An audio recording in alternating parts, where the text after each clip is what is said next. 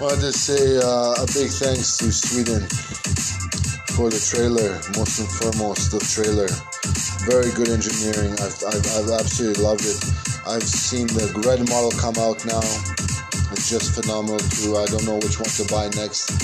I really wanted to show up green in Qatar and Italy. I wanted to go green for Italy and, and also green for Qatar.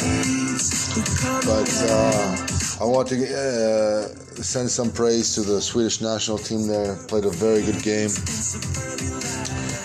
You know, uh, sometimes it's just very difficult to play away. You have, it sometimes just happens that it's just the luck of the draw. You just don't win on on, on the home plateau. But uh, the the players came up with all their efforts, all their hearts, all their hard effort, and nothing's forgiven. You know, we just we just feel that sometimes we just come up a little bit short. And I wanted to say that uh, to the Swedish national team that they've done a great job.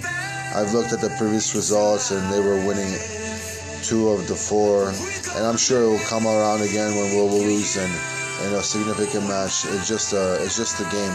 It's the way the game is played. But uh, hats off to Sweden as well for being very good, very good brothers and sisters. Thank you very much, Sweden.